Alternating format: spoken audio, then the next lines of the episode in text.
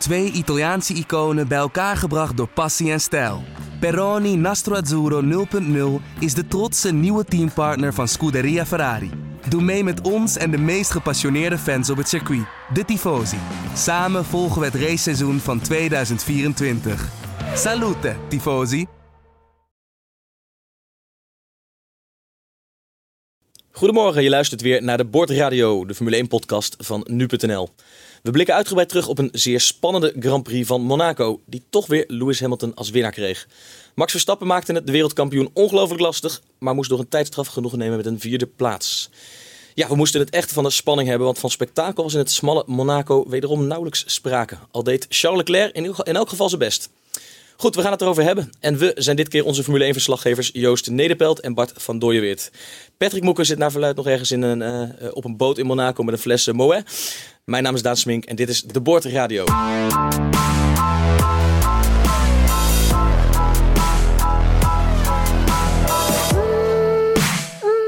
Bart, om met jou te beginnen. Jij deed hier vanaf de redactie verslag van deze race.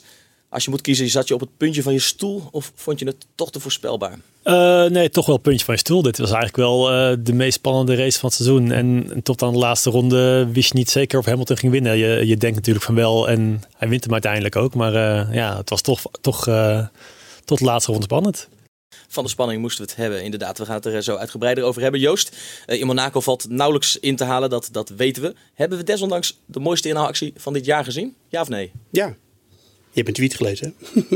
ja, uh, nee, ik vond het. Lees jouw tweet zelden? Nou, nee, dat zou je ook. Waarom zou je dat ook doen? Nee, ik vond het een hele uh, ja, millimeterwerk.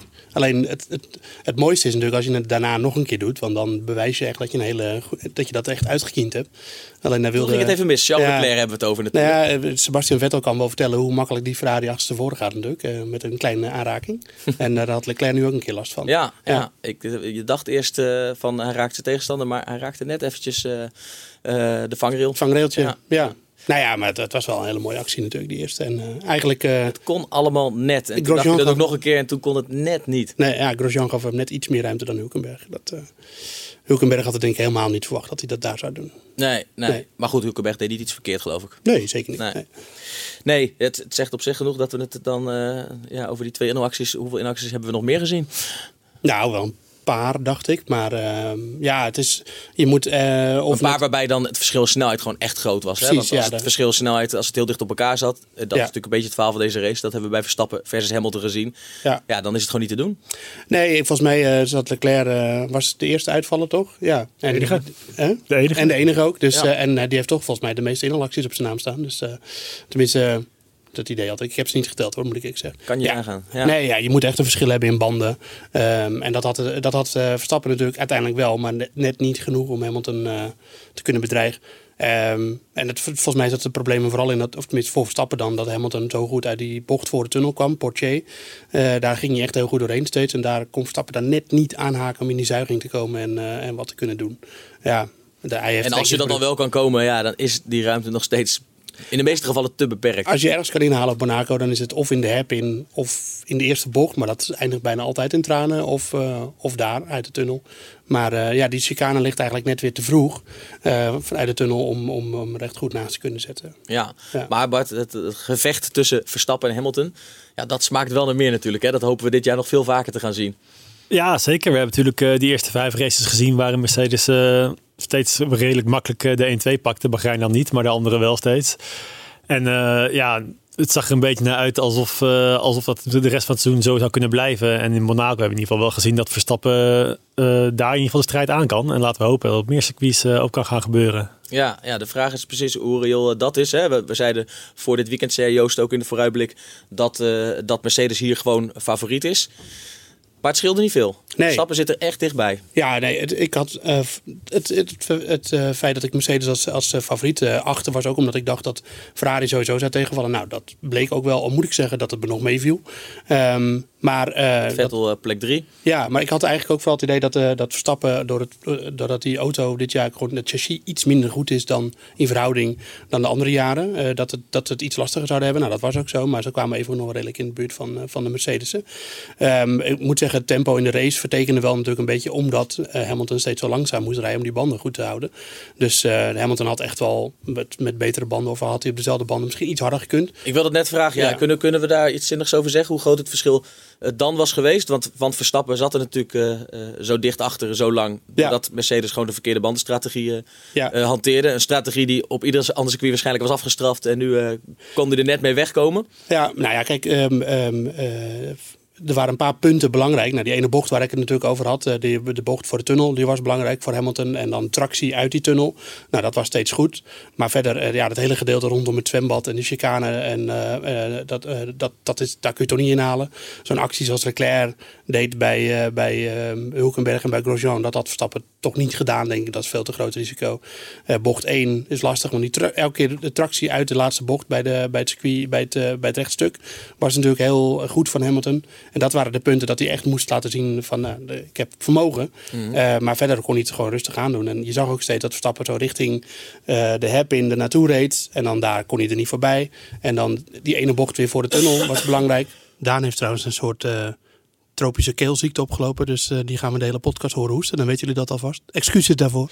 De, die ene bocht voor de tunnel was, uh, was belangrijk. En voor de rest hoefde hij het gewoon niet te doen. Ja, dat, uh, dat, en dus kon hij banden sparen en het einde halen. Maar ik had echt wel verwacht dat hij, dat hij op een gegeven moment gewoon een lekker band zou krijgen of zo. Want die banden waren helemaal aangehord. Maar ja, mocht niet zo zijn. Voor Verstappen dan. Nee, Nee, want um, er was natuurlijk één moment uh, waarop het uh, bijna nog misleek te gaan voor Verstappen en misschien Hamilton tegelijk. Ja. Toen Verstappen het uh, een keer probeerde, ja, een soort wanhoopspoging min of meer. Zo van, nou, heb ik het in ieder geval geprobeerd. Maar hij kwam natuurlijk niet in de buurt van een, van een serieuze inhalactie. Hij raakte Hamilton licht. En toen dacht je eventjes van, uh, straks vliegen ze allebei af. Ja, ik, had eigenlijk wel, uh, ik vond eigenlijk wel dat Hamilton echt vroeg de deur dicht deed. En ook wel bewogen in de remzone. Dus, want hij nam een lijn in die, in die chicane die hij normaal niet zou nemen. Nou goed, je mag je natuurlijk verdedigen. Maar in principe bewegen onder het remmen mag niet. Maar ja, het was een beetje het midden tussen bewegen in de remzone of heel vroeg insturen. Nou, nou, nou ik denk dat de stewards oordeelden dat het het laatste was. Maar het was niet zo dat Verstappen daar echt een doldrieste actie deed of zo. Want uh, had Hamilton zijn normale lijn aangehouden, dan had hij hem ernaast kunnen remmen. En dan, dus het was gewoon een verdedigende actie. Ja, dat was de enige keer dat hij dat moest doen natuurlijk, Hamilton. Eén keer nog in de chicane, of in de, in de hairpin moest hij heel erg het midden houden om Verstappen er niet naast te krijgen. Dus uh, ja, het, maar dat was het eigenlijk het enige. Ja. Ja. Ja, Bart, uh, ik vond, uh, soms zie je dan het contrast tussen hoe je het uh, ter plekke meemaakt, maar hoe het ook bijvoorbeeld op tv in de Ziggo Studio door, door oud-coureurs wordt beleefd. en hier, dat is soms, dat is soms groot. Ehm, hier op de redactie zaten we met z'n allen natuurlijk voor een deel Formule 1 te volgen. Er zaten ook mensen verslag te doen van bijvoorbeeld de Giro d'Italia, die dat aan het volgen waren. Um, maar al vrij snel uh, hadden wel het idee, ja, dit gaat gewoon niet lukken met Hamilton. Zeker natuurlijk nadat Verstappen die tijdstraf kreeg. En dan voelt het toch weer als een, als een optocht. Terwijl ik zag bijvoorbeeld Robert Doornbos in de Ziggo Studio, uh, die had een fantastische race gezien. Toen dacht ik, ja, uh, ligt de waarheid in het midden? Of, of, is dit dan het verschil tussen de, de, echte, de echte Formule 1 freaks en, en de liefhebbers die hopen op meer spektakel? Ja, ik denk wel dat je echt een Formule 1 liefhebber moet zijn om hiervan te kunnen genieten. Want anders kijk je gewoon naar een optocht waarbij je weet dat er niet ingehaald kan worden. En ja, dat bevestigt de race dan ook nog eens dat het dus gewoon echt ja, schier onmogelijk is om daar uh, een bijna even snelle auto in te halen. Dus ja, ik kan me wel voorstellen als je niet echt een doorgewinterde Formule 1 fan bent, dat je, dat je dit niet uh, twee uur lang uh, voor je lol gaat zitten kijken. Ja. Ja, ja, de plaatjes zijn mooi in Monaco. Maar uh, ja, je bent er niet alleen als, als Formule 1 fan of volger, zit je niet alleen de race te kijken voor mooie plaatjes natuurlijk. Je wil, je wil actie zien. Ja, klopt. En van de andere kant is Monaco natuurlijk wel zo'n iconische Grand Prix. En als je aan Formule 1 denkt, denk je al snel aan Monaco. Weet je wel, is, uh, ja, als, waar Formule 1 voor staat, dat heeft Monaco. De glitter en de glamour, het mooie weer, uh, alle sterren die daar langskomen, noem het maar op. Formule 1 is Monaco. Dus op zich vind ik het ook niet gek dat er dan één zo'n race per jaar bij is. Waarbij, je, uh, ja, waarbij het om de kwalificatie gaat en, en minder om de race. En waarbij op zondag misschien vaak iets saaier is dan, dan bij andere races. Ja, ja. Joost, um, jij hebt daar uh, de analyse geschreven, uh, zoals je elke maandag na de race doet, uh, over deze race, waarin het ook hierover gaat. Hè? Ja. met een beetje als, als hamvraag, tenminste daar worstel jij geloof ik mee van, ja, moet er wat veranderen eigenlijk? En kan er wat veranderen in Monaco om, het, om iets meer spektakel te bieden? Want ze hebben natuurlijk helemaal geen ruimte om dat circuit iets Nee. te verleggen of iets breder te maken. Nee, ja, dat is heel moeilijk. Want je, je hebt natuurlijk eh, sowieso al die gebouwen die er staan. Je kan niet even een extra lus eraan hangen of, eh, of een, een rechtstuk eh, wat aanlengen. Ehm, er zijn denk ik wel een paar kleine opties. En dan zat ik vooral eh, gisteren tijdens die race heel erg op te letten. Komt hij weer, die laatste bocht voor de tunnel is, is, is een beetje hoekig. En daar kun je dus, eh, ehm, als je dan eruit komt, dan is tractie heel belangrijk. En dan, ja, degene die dan vooraan rijdt, die, heeft, die kan natuurlijk als eerste op het gas. Dus die heeft dan altijd alweer een voorsprongetje in de tunnel. Dus je zou kunnen denken aan een wat vloeiende bocht daar. ehm, door de, vangrail iets te verzetten. En dat misschien iets kan helpen. Kan, ik weet het ook Ja, niet. het is allemaal miniem en Ja. iets en misschien. Ja, maar dat komt wel op details aan. Eh, je had in, de, in het verleden had je wel, eh, we hebben even een eh, DRS-zone in de tunnel gehad. Eh, maar dat vonden ze uiteindelijk toch weer onverantwoord. Omdat, je natuurlijk, omdat er ook een bocht in zit. Ehm, maar dat, had, dat zou kunnen, die kan je terugbrengen. Ehm, je zou de chicane, die er natuurlijk na de tunnel is, eh, die zou je iets later kunnen maken. Maar ja, er staat ook een hele rij bomen daar. Nou, ik gok dat als ze die weg gaan halen, dat er dan ook wel weer eh, wat protesten komen. Dus eh, je zit natuurlijk, ja, ze zitten eigenlijk gevangen in hun eigen omgeving.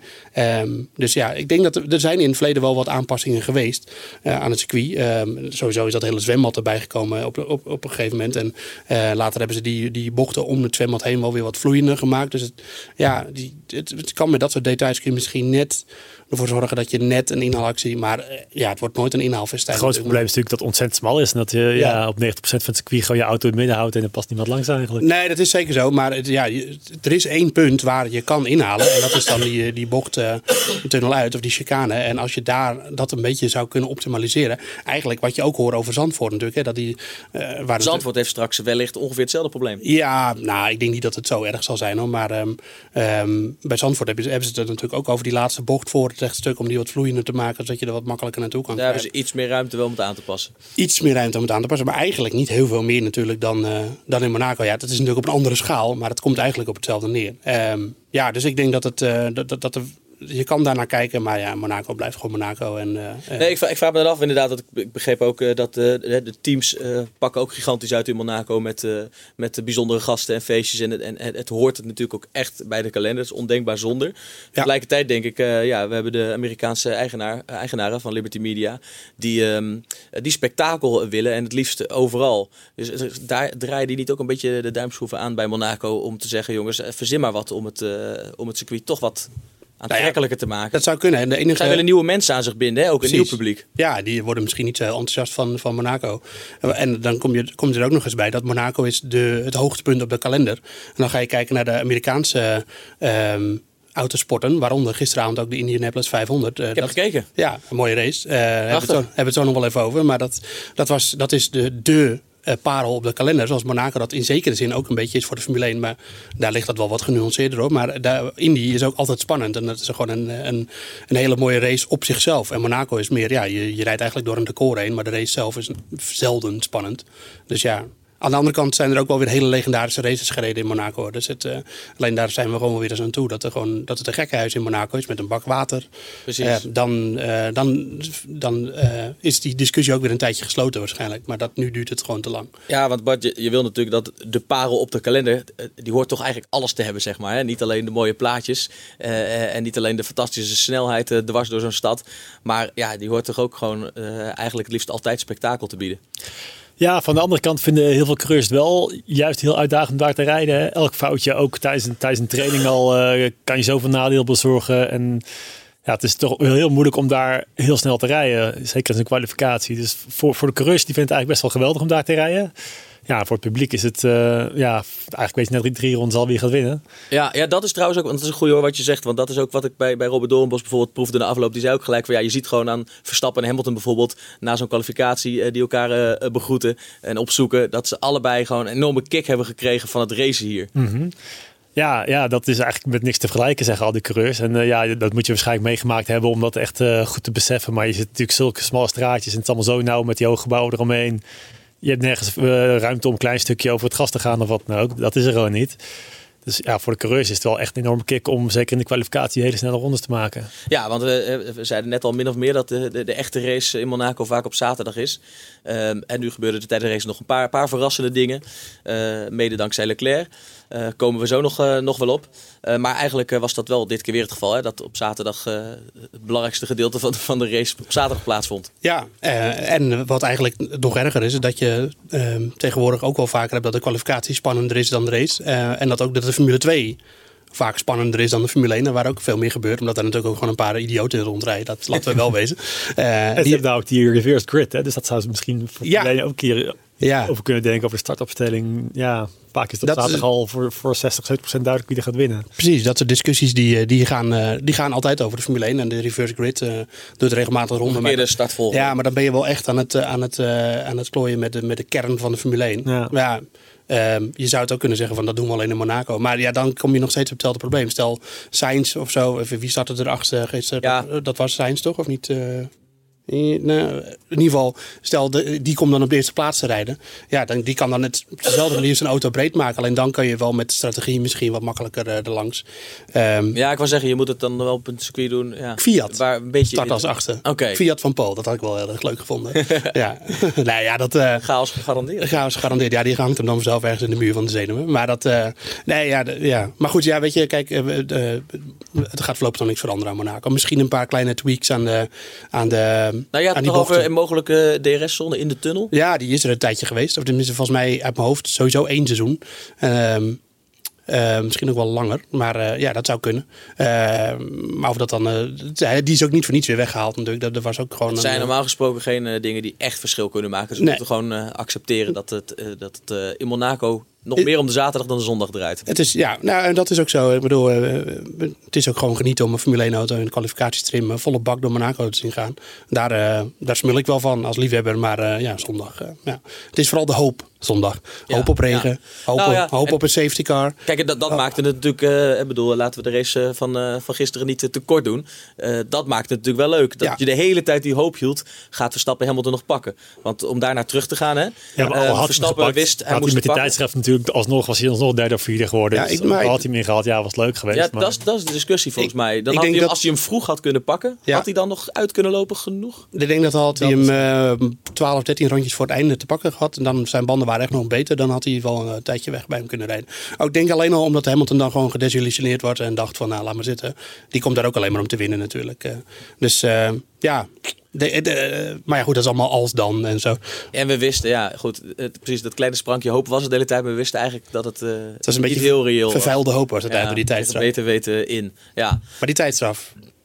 Maar die tijdstraf. Hekel ja. thema, ja. Ja, als ik die, de, de beoordeling van de VIA zo las, dan was het vooral omdat hij tegen Bottas aanreed. Vond ik ook opvallend, ja. ja. Ik dacht eerst, het is de straf zo van, ja, Bottas komt eraan, jij moet dan eh, inhouden. Ja. Je mag niet gauw voor hem schieten. Maar dat mag dus wel. En, en, ja, maar je moet, er, je moet er zolang hem niet raakt. Zolang hem niet raakt, ja. Hij zag hem niet, denk ik. Ik denk dat... Want dat is toch... Ja, dat is, wist dat is wel... hij wist dat al bij kwamen natuurlijk. Ja, hij wist wel dat, dat, er, dat er wat aan zat te komen. Ja, ja maar dat is nog een, een, fout dan geweest van of het nou van Verstappen is van zijn team dat hem niet goed gewaarschuwd heeft.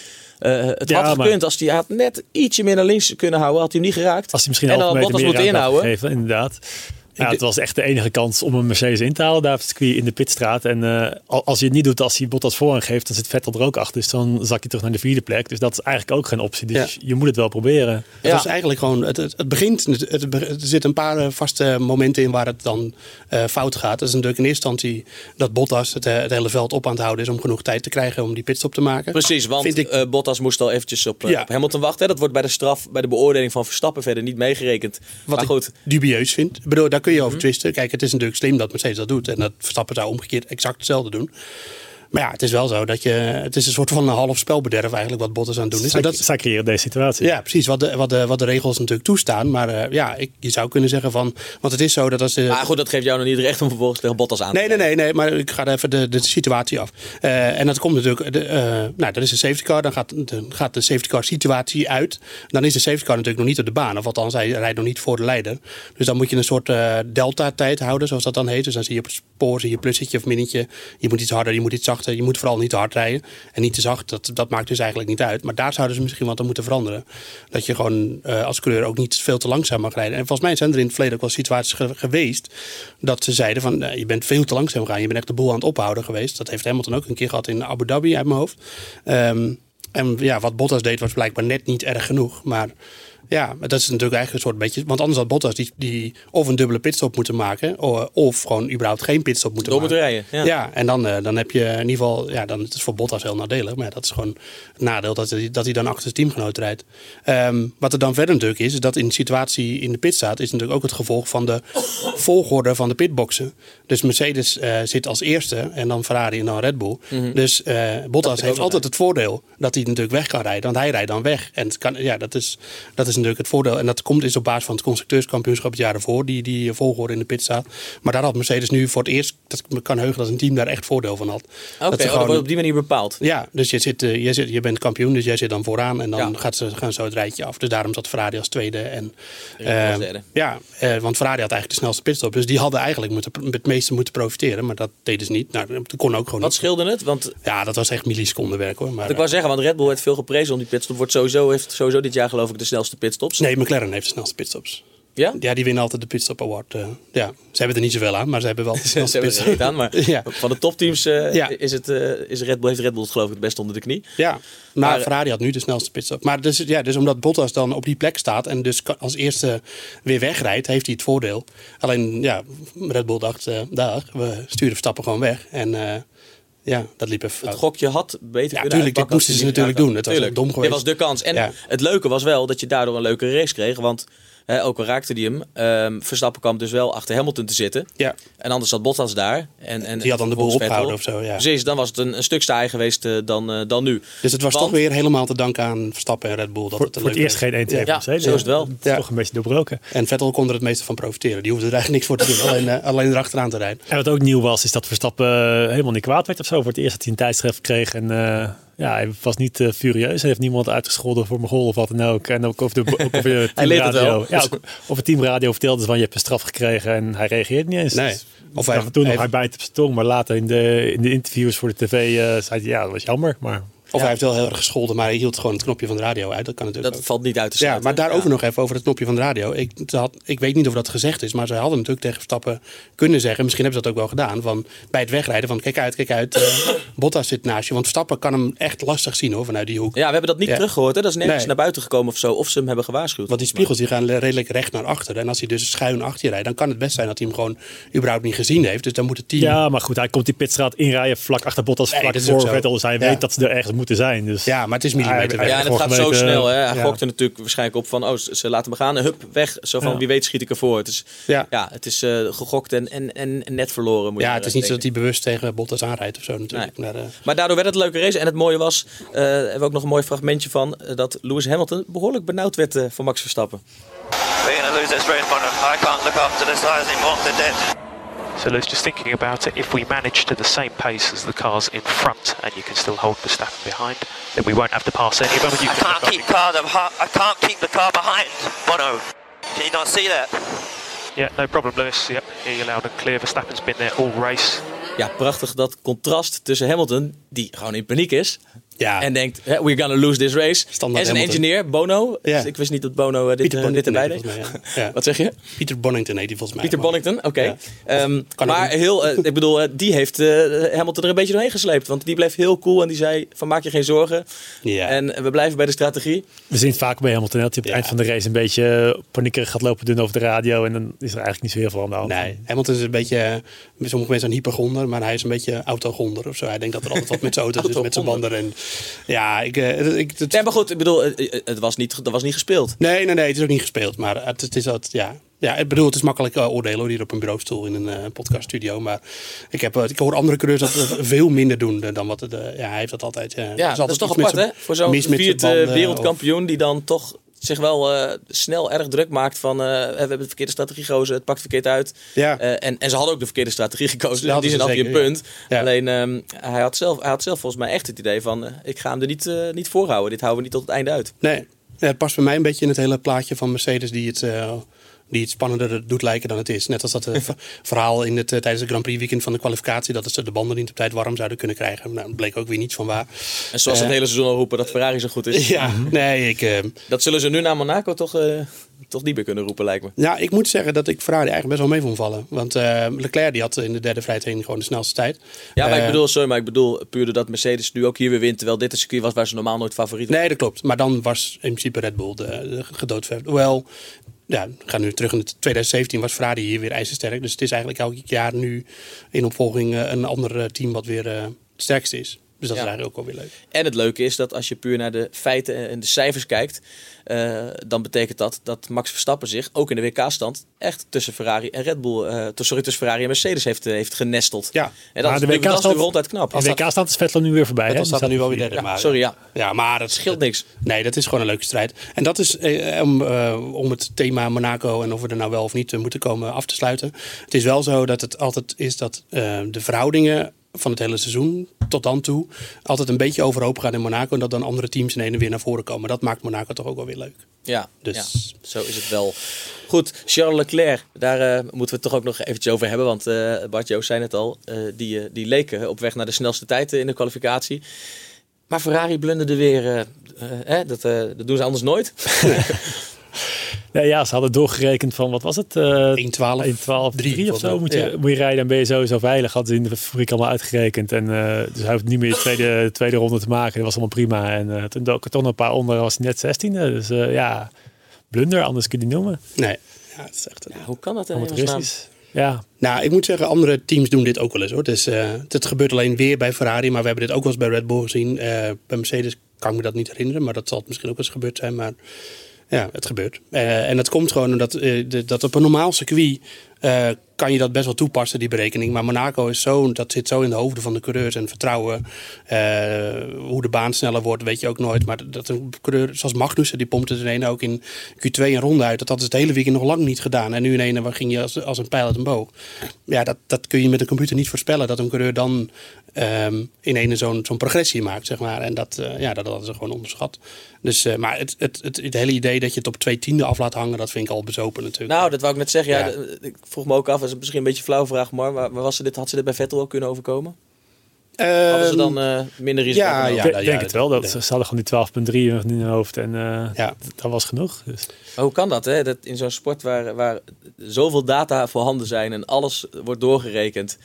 Ja, te veel doorrekenen denk ik zelfs. Gewoon denken dat je alles uit kan rekenen. En eh, zo en zo gaan we het doen. En hier houden we ons aan. En, ja, eh, precies. ja. Ze, slaan- ze zijn er hier eigenlijk een beetje doorgeslagen in, in het doorrekenen. Het is zo van, eh, je kan beter gewoon nog even... paar, Ja, nog Leclerc even zelf wilde de baan nog op. Die had nog eens iets van, eh, we doen het maar even voor de zekerheid. Maar eh, Ja, het belangrijkste was eigenlijk dat, dat eh Mattia Bronto zei dat hij het had al moeten overroelen en dat hij dat niet gedaan heeft.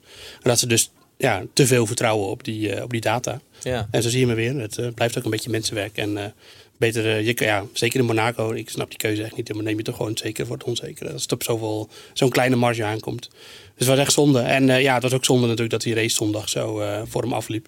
Helemaal, hij was gewoon ontzettend gefrustreerd natuurlijk dat hij met die lekke band terugreed naar de pits. Ik heb Nou, ja, lang geleden dat ik zeggen- iemand een auto zo aan Flenters heb zien rijden. Echt, de hele vloer lag over de baan verspreid. Ja, dat was, toch, dat was ook tamelijk bizar natuurlijk. Dat Ja. hij daar bijna vol gas doorheen met die lekke band. Hij was er iedereen, je zag ja. iedereen denken van, jongen, doe rustig aan. Dit gaat helemaal mis. En het ging mis. Ja, maar hij dacht volgens mij gewoon... Hij zat natuurlijk al in een redelijk kansloze situatie. En nu ook nog met die band. Ja, dan eh, hij dacht volgens mij van... eh zoek het allemaal maar uit. eh. Precies, als Ja. hij heel langzaam was gaan rijden Ja. en een nieuwe band had gehad en de boel heel was gebleven, dan was er ook geen eer meer te behalen. nee, Dus, nee, het was gewoon een... ja, Hij, hij noodgedwongen door zijn team moest hij alles of niets spelen en het werd niets. Ik vond het wel mooi om te zien gewoon hoe, hoe, hoe Leclerc ook echt gewoon zijn menselijkheid toonde. In, ook die beelden in de kwalificatie dat hij in de pitbox stond. Dat hij het echt, eh, ja, eh, volgens mij kon hij de hele pitbox wel kort en klein slaan. Dat doet hij dan niet, maar dat zag je echt duidelijk aan zijn, eh, zijn uitdrukking in zijn gezicht. En eh, ook dat hij nog bij Joe Claire zijn, zijn, zijn engineer vroeg van, gast, wat is dit? En, eh, en dan de volgende dag gewoon een Ferrari aansplintert. Ik, ik, ik hou er wel van. Gewoon een beetje karakter, weet je. Niet dat... ja, eh, er zit pit in die jongen. er zit wel zeker pit in, ja. Dat, ja. is, eh, dat Ja. is wel, wel mooi. Ja, zit er bij Renault nog een beetje pit in, jongens? Renault. weinig, ja. Ja. Ja, Ricciardo had, eh, had een goede, Toen was het stil. Ja. Maar eh, tijdens de race is dan ook weer niks. Hè? En, eh, ja, Nee, het is ontluisterend. En als je dan ziet dat de, de winnaar van vorig jaar, die eh, heeft dan een hele goede start. Hè. Die kwam uiteindelijk als zesde, volgens mij. te liggen. Eh, ook omdat Gasly natuurlijk naar achter was gezet. Dus als zesde kwam hij eh, in de eerste ronde. En het gat, dat was... Het was Ricciardo? ja, dat is Ricciardo. Het, het gat was gewoon eh, binnen, binnen zes, zeven rondjes was het gewoon 12, 13 seconden. Vijfde reed zelfs toch trouwens? Want Ja, vijfde reed ja. ja dat, eh, dus de kop kon zo wegrijden. Omdat hij, er zat gewoon totaal geen tempo in die Maar dat ligt echt meer aan de auto dan, dan, aan, de, dan aan de motor, hè? Want dezelfde motor in de McLaren, Ja, ja dat, eh, die gaat best lekker. die gaan heel erg goed. Ik ben heel erg blij dat McLaren weer een beetje vooraan... eh, nou ja, vooraan, maar in ieder geval in de top 10. eh, is gewoon, eh, Is Alonso toch te vroeg gestopt? ik denk dat Alonso echt wel spijt heeft, hoor. Ja, ja, ben je dat? Ja, tuurlijk wel. Ja. Zeker nu met dat debakel eh, in, eh, op Indianapolis. Dat hij zich niet kwalificeerde voor de race. En dan Ja. ziet hij nu dat die auto ineens eh, gewoon het best wel weer goed doet. Ja, Ja, maar goed doet hij plaats was hij ook niet meer blij mee, toch? Dus- Nou, ik, weet, denk het. ik denk dat hij dan Ja? denkt van nou, als eh Sainz mee naar de zevende plaats rijdt of naar de zesde plaats, dan, eh, wat was hij, zevende uiteindelijk, dan eh, Nee, zesde. ja, dan kan ik, eh dan Podium rij ik halen. wel mee naar het podium, weet je. Ja. Zo denkt Alonso dan ook wel weer. Ja, Ja, nee, dat was, eh, ja, ik denk dat hij, dat hij daar wel echt van baalt hoor, maar too little, too late. eh. Ja, Ja. zo is, eh, zo is Maar bij. Renault, ja, het, het, het, het begon natuurlijk eh, het weekend eh, ehm, dat ze zeiden van ja, we hebben een probleem in de motor gevonden, dat hebben we nu opgelost. En nu, eh, ja, nu gaat Nu het, gaat het gaat het laten beginnen hoor. En eh, nou, weet je niet. Nou ja, ik wou het zeggen, want uh, Pieter Boel zei eh, voor dit weekend nog, eh, er werd nog hard om gelachen hier, eh, geloof ik. eh, dat hij zei van, eh, onze motor is nu op hetzelfde niveau als, eh, als die van Mercedes en Ferrari. Ja, nou volgens mij niet. nee, ja, er, er was een probleem eh, met een drijfstang. Waar de, er zit dan de zuiger eh, zit daaraan vast in de motor. Was er ontdekt en dat hadden ze nu verhol- verholpen. En daardoor hadden ze het hele seizoen eh, tot nu toe geknepen rondgereden. Dus met minder vermogen dan er eigenlijk in zit. Al dus Renault. Volgens mij, sinds Renault eh, die turbomotor brengt, rijden ze continu rond met minder vermogen dan er eigenlijk in zit. Omdat ze anders bang zijn dat die stuk gaat. En dat was nu dus weer zo. Maar nou, nu zagen we het volle potentieel van de Renault. Misschien eh, moeten we in eh, Canada onze Canada terug... dat misschien meer een circuit waar je echt, eh, de motor eh, aan het werk kunt zien. Maar Ja, maar je ziet ook gewoon dat die auto fundamenteel niet goed is. En het schijnt ook dat ze dus in Frankrijk eh, met een compleet eh, verbouwde auto wil komen. Maar ja, er zit gewoon fundamenteel iets mis in dat team en ook in die auto. Want eh, het Dat is- gaan ze dit seizoen niet meer dan oplossen. gaan ze, nee. Nee, dat is zelfs met Ferrari natuurlijk, die ook zeggen van nou, we gaan de auto echt eh, grondig eh, herzien nog. Daar is zelfs extra geld voor vrijgemaakt om het budget voor dit seizoen nog weer te verhogen. Maar als een auto niet goed is, ja, dan moet je echt een wonder verrichten. Wil je dan in de ene nog, eh, eh, zoals Ferrari er een winnende auto van maken? Dat zie ik gewoon echt niet gebeuren. En dat is denk ik ook alweer een beetje het probleem wat, wat, wat we ook wel zien in de Formule 1. Voor mij is Mercedes is nu al eh budget aan het vrijmaken voor auto voor volgend seizoen, weet je wel. Ja. al die andere teams zoals Ferrari en zo, die zijn nog bezig van hoe kunnen we dit seizoen nog een beetje redden, nu nog iets van maken. Die pompen alles in de ontwikkeling van deze auto. Ja, Bij Mercedes kijken ze denk ik nu al naar 2020, 2020 dat ze daar gewoon alweer nu met de auto voor het seizoen al best wel ver zijn. Zijn ja bij Ferrari werd er, wel, Ja. eh, werd er wel specifiek bijgezet dat ze dus het budget voor dit seizoen verhoogd hebben, omdat het dan voor volgend seizoen. Maar bij Renault eh, ehm, is dat wel zo, denk ik, ja, dat ze dan eh, nu weer alle hens aan dek die auto moeten verbeteren. Maar ja, volgend jaar heb je in ieder geval nog een beetje dezelfde regels, dus wat ze nu vinden, dat heeft volgend jaar ook nog wel weer zin. Maar ehm, het is een puinhoop eigenlijk. En vooral bij Renault, ik vind dat echt eh, ja, Ontluisteren. ontluisterend. Ja, dat, is- dat blijft maar doorgaan. Ja. En, ja, Het is eigenlijk alleen maar slechter geworden als je vergelijkt met vorig seizoen. ja, ze hebben gewoon een stappen teruggezet eigenlijk. En, en ik vind het, Hulkenberg ook een beetje futloos rondrijden dan in Monaco ook. Ja, wordt echt overvleugeld eigenlijk toch ook wel weer door Ricciardo. Dus eh, ja, werk aan de winkel daar nog steeds. Ja, dat is eh, helder. Goed, we gaan zo eh, naar de lezerspost. We hebben nog een paar eh, vragen van lezers, luisteraars. Moet ik natuurlijk zeggen. Eh, maar niet voordat ik gezegd heb dat onze ochtendpodcast, de Dit Wordt Het Nieuws podcast, is genomineerd voor de Podcast Awards. Elke ochtend zitten ze er, Carné en Julien. Mijn naam is Carne van der Brink. Mijn naam is Julian Dom. Goed weer, slecht weer. Ik ben wat verkouden, maar ik zit hier met een kopje thee. Want het wordt een prachtige dag vandaag. 20 graden, wat nou spoilers voor het weerbericht. En altijd met het laatste nieuws. Uitgebreid aandacht voor de nasleep van de aanslag in Utrecht. Duizenden leraren zullen vandaag gaan staken. Het vuur in de wereldberoemde kathedraal in Parijs is inmiddels onder controle. Nu.nl is genomineerd voor de beste nieuwspodcast van Nederland. Help ons die prijs te pakken en stem via podcastawards.nl. Stemmen kan tot 4 juni. Yes, en volgend jaar gaan wij eh, voor die hoofdprijs, jongens. Ehm, goed, eh, de lezers, eh, luisteraarspost.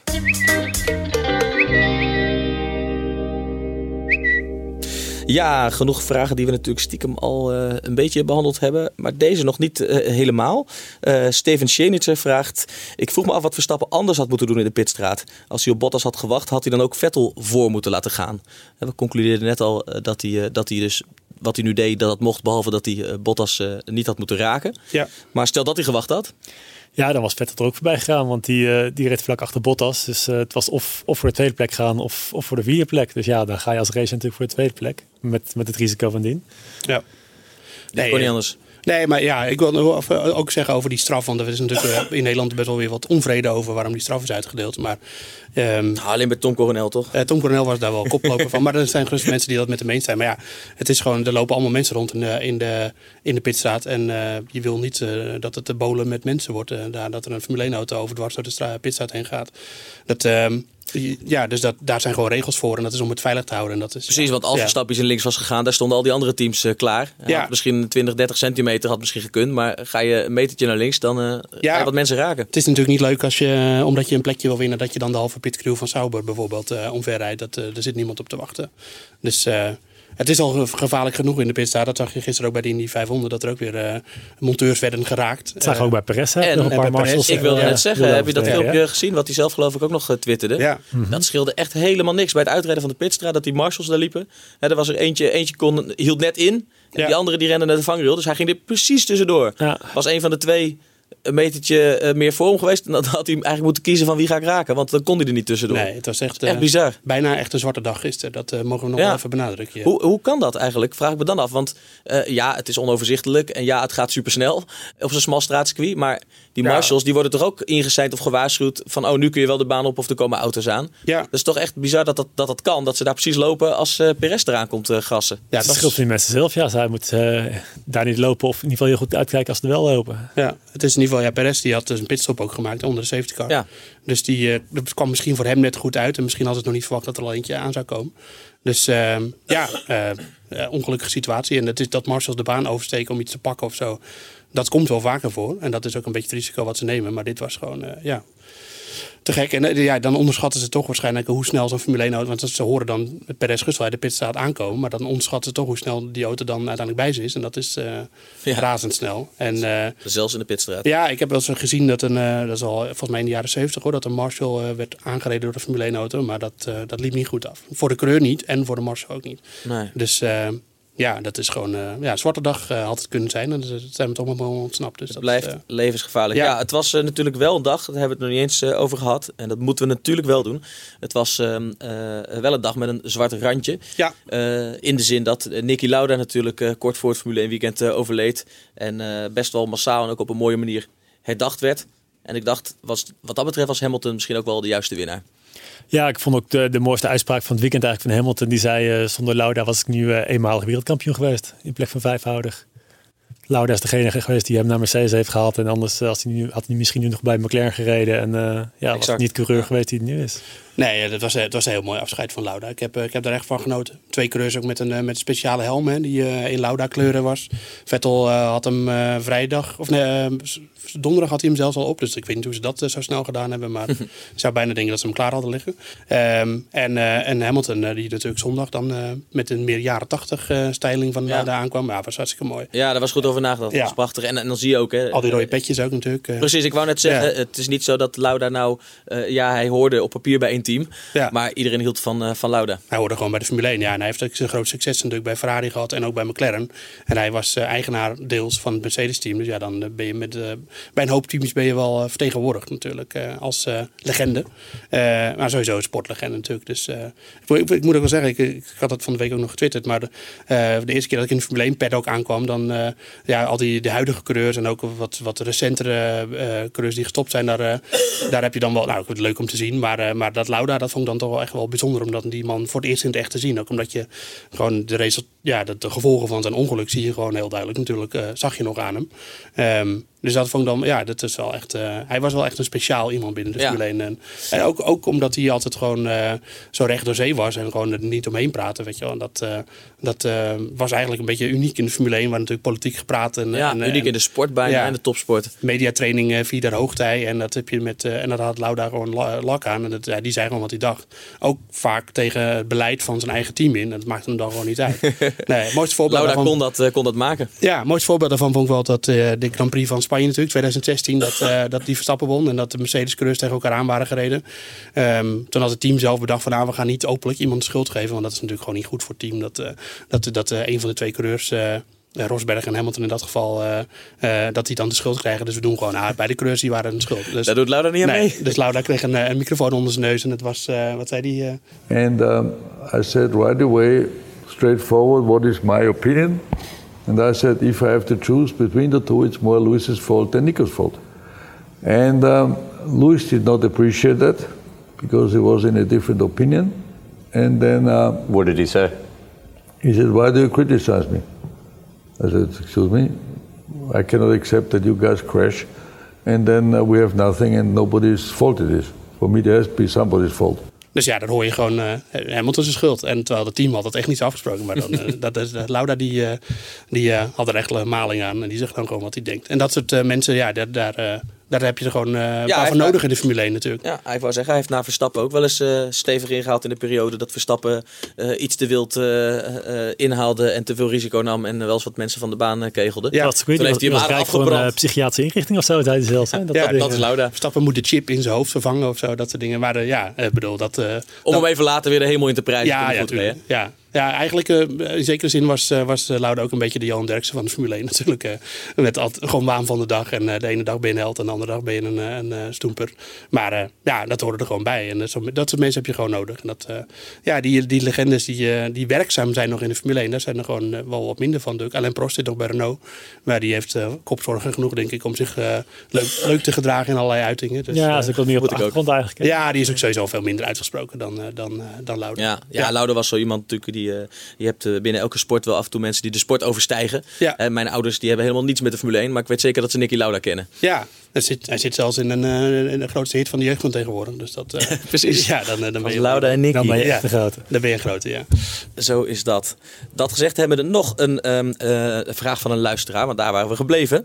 Eh Akif Gumusu die vraagt, eh, een vraagje toch over de, de Monaco in praktische zin. Hoe bouwen ze elk jaar de straatcircuits exact hetzelfde op? Ik neem aan dat de railings, de curbs, et cetera, allemaal eh, op exact dezelfde plek staan, zodat het 100% gelijk is aan vorig jaar. Hoe doen ze dat? Ehm, een heel ervaren team die dat gewoon, eh, volgens mij, eh, als doe je ze allemaal geblinddoekt, eh eh, stuur je ze daar op pad, dan zetten ze het nog allemaal zo neer. Dat, Ja? Ja, ja ze, ze doen dat al jaren. En volgens mij, er zijn echt wel wat voorbereidingen van, eh, van eh, waar de vangrails precies komen te staan. Dus daar zitten dan gaten in de grond of zo. zeggen, waar ze ze dat kunnen of- ja. zetten. Eh, Ja, alles ze is genummerd. hebben ook die Formule E race natuurlijk. Dus dat hebben ze ook precies hetzelfde circuit, toch? Ja, nee, alleen dan gaan ze niet naar boven. Dus dan gaan ze niet naar het casino. Maar die, eh, ja, ze zijn er echt al volgens mij iets van zes weken van tevoren mee bezig om de hele boel neer te zetten. Dus het is echt wel een grote operatie. Maar dat is eigenlijk zelfs met eh, Albert Park, eh, Australië. Daar, eh, dat is ook normaal gewoon een park. En daar zetten ze, elk jaar ziet het er, ik ben er nu twee jaar op rij geweest. En het ziet er gewoon exact hetzelfde uit. Terwijl normaal zie je er helemaal niks van. Dus dat Nee, Singapore knap, natuurlijk ook knap maar het moet ook wel. Want inderdaad, als je als coureur denkt dat er ergens een bocht twee meter eerder begint, dan heb je wel een probleem. Ja, dan krijg je wel een beetje een puinhoop. Ja. Nee, Dat, dus dat is gewoon een geoliede machine, die, die organisatie daar. Ja, goed, we zijn er bijna doorheen, eh, denk ik. Maar we moeten natuurlijk toch nog even kort vooruitblikken op eh circuit Gilles Villeneuve, eh, Canada, waar we over twee weken neerstrijken. Ehm hele andere race kunnen we daar denk ik verwachten. Ja. Of niet? Lange rechte stukken, hè? Misschien wel dezelfde winnaar, ben ik bang. Ik sluit het niet uit. Ja, Het is ook wel jammer dat Bottas nu eh, toch wat meer achterstand heeft op Hamilton. hè. Het was leuk geweest als Hamilton, eh, Bottas, als Bottas misschien gewonnen had, Hamilton 2 of zo voor de WK-stand. Maar dat lijkt nu ook wel een beetje beslist, hè? ja. Ja, Nou, ik, eh, ik ga hem toch weer. eh, ik ga de rode kaart weer spelen. Maar ik denk dat, eh, dat dit bij uitstek nou een circuit is waar Ferrari misschien wel eens eh, goed zou kunnen zijn. Waar, waar? Nou, omdat het eh, vooral op topsnelheid aankomt. En dat hebben ze. Eh, in, in, ja, in- dus ja, het is. eh, lange rechte stukken. Het is alleen, ja, in Azerbeidzjan ehm, dachten we dat ook. Alleen dat circuit is toch echt ook wel weer anders hoor. Daar zitten echt heel veel eh, haakse bochten in waar die Mercedes heel erg goed in is. En dat is in, eh, in eh, eh, Canada gewoon minder. Ehm, dus als het ergens kan Is voor het Monza of hier? Monza of hier, ja. Dus, eh, En voor Red Bull? En voor Red Bull, ehm, ja, ik denk dat hij vorig jaar was Verstappen hier tweede. Ehm had Mercedes eigenlijk helemaal niet zo'n heel goed weekend. Dus ehm dat Verstappen vooral die hele goede start. Dus ik denk dat het echt wel eh, wordt, ik denk dat het een leuke race wordt. Ja, ik denk niet dat de Mercedes er heel ver voor gaat zitten eigenlijk. Dit Mercedes is nog steeds te kloppen, zeg jij. Nou, Moet wel een beetje niet op alles. Mercedes, maar... Ja, het moet ook eens een keer meezitten voor de Ja, concurrentie. maar, ja, als Mercedes gewoon niks fout doet en een normaal niveau halen, dan winnen ze. En ze moeten wel een foutje maken, wil de rest kans maken. Ja. mij. Ja, Precies. nou, je zei het al Joost, eh, eh, dit keer, we concludeerden net al, eh, dit keer hebben ze een fout gemaakt die overal was afgestraft hè, met de verkeerde bandenstrategie. Ja, maar hier weer niet. En hier weer niet. Nee. Verstappen tikt Hamilton aan. Ja. Ehm, jij zei geloof ik, in 9 van de 10 gevallen krijgt hij dan een, loopt een van de twee of de voorste coureur lekker band op. Ja. Hamilton niet. Nee, dat is het geluk van de kampioen. En dat, eh, ja, ik, Ook weer pech van Bottas dat hij dan wel een lekker band heeft. Anders was hij nog voor Vettel geëindigd. En, de, Ja. en alsnog tweede geworden. Precies, ja. Dus, eh, nee, ja, eh, Hamilton is een eh, fantastische coureur, een wereldster. Maar ik, ik, dit klinkt misschien een beetje zuur wat ik nu zeg, maar het zit hem toch op bepaalde momenten altijd wel een heel klein beetje mee, vind ik. En dat is, gisteren was daar weer zo'n voorbeeld van. En dat is gewoon het geluk van een kampioen. En dat is, Vettel, ik moet zeggen, die heeft ook zo'n hele reeks gehad met vier, dat hij vier jaar op rij kampioen werd. En dat, dan zijn dat kleine, dat kleine momentjes zijn dan bepalend. En dan zit het gewoon net even mee. En dus het is, het is niet iets wat alleen aan Hamilton hangt, maar dat, is, dat hangt vaak aan een kampioen. Dat het dan net even mee zit op bepaalde momenten. En Verstappen krijgt dan net weer zo'n tijdstraf. Weet je wel, die rijdt dan weer net tegen Bottas aan. Het, het, dat is ook een beetje het Mina- Monaco-probleem wat Verstappen inmiddels een beetje begint te ontwikkelen natuurlijk. Ja. Dat moet zeker niet in zijn hoofd gaan zitten, want hij is daar gewoon hartstikke goed. Maar eh, ja, het is natuurlijk wel vervelend dat er, dat er elke keer weer wat is in Monaco. En nu Ja, had want ook nu reed Verstappen gewoon weer ijzersterk. ja, hij had een hartstikke goede race en dan gebeurt dat weer. Dat is gewoon zonde. En dat, eh, ja, dus eh geluk. Dat, dat kan niet blijven aanhouden en tegelijkertijd kan het geluk van Hamilton ook niet het hele seizoen blijven aanhouden. Nee, nee. Die, Dus eh, we houden hoop. Maar ik denk wel, na deze race blijft bij Verstappen wel het goede gevoel hangen. En die, die, die kleine incidentjes, dat ja... ja, nee, dat is zeker. Kleine incidentjes met grote gevolgen, maar Ja, ja maar de race die reed. En was soeverein. Hij had ook niet echt een andere keuze dan Hamilton daar aanvallen en dan Bottas proberen in te halen in de pitstop. Nee. Dus ja, Nee. je kunt hem niks verwijten. Nee, want laten we wel even concluderen. We hebben jaren eh, gekeken naar eh, rokende hondenmotoren met allerlei problemen en motorwissels en noem maar op. En dat gaat eigenlijk gewoon hartstikke goed natuurlijk. Eh, ik zou bijna Het zegt genoeg dat we deze hele podcast eigenlijk niet over de hondenmotor nee, hebben gehad. nee, dat is gewoon een Dat is ook wel eens lekker, maar dat is een heel goed teken. Ja, nee, dat gaat hartstikke goed. Dus eh, afkloppen. Maar eh, ik eh, denk dat we daar heel erg blij mee mogen Ja. zijn. Zeker. We houden hoop voor de rest van het seizoen dat Verstappen wellicht nog ergens eh, en misschien wel meer dan eens kan winnen. Te beginnen over twee weken op Canada. Je weet het niet. Ja. We sluiten af eh, voor nu. Maar niet voordat ik gezegd heb dat je je natuurlijk ook kan abonneren op de Bord Radio via iTunes of je eigen favoriete podcast app. Bedankt voor nu en tot gauw. Dag. Tot ziens.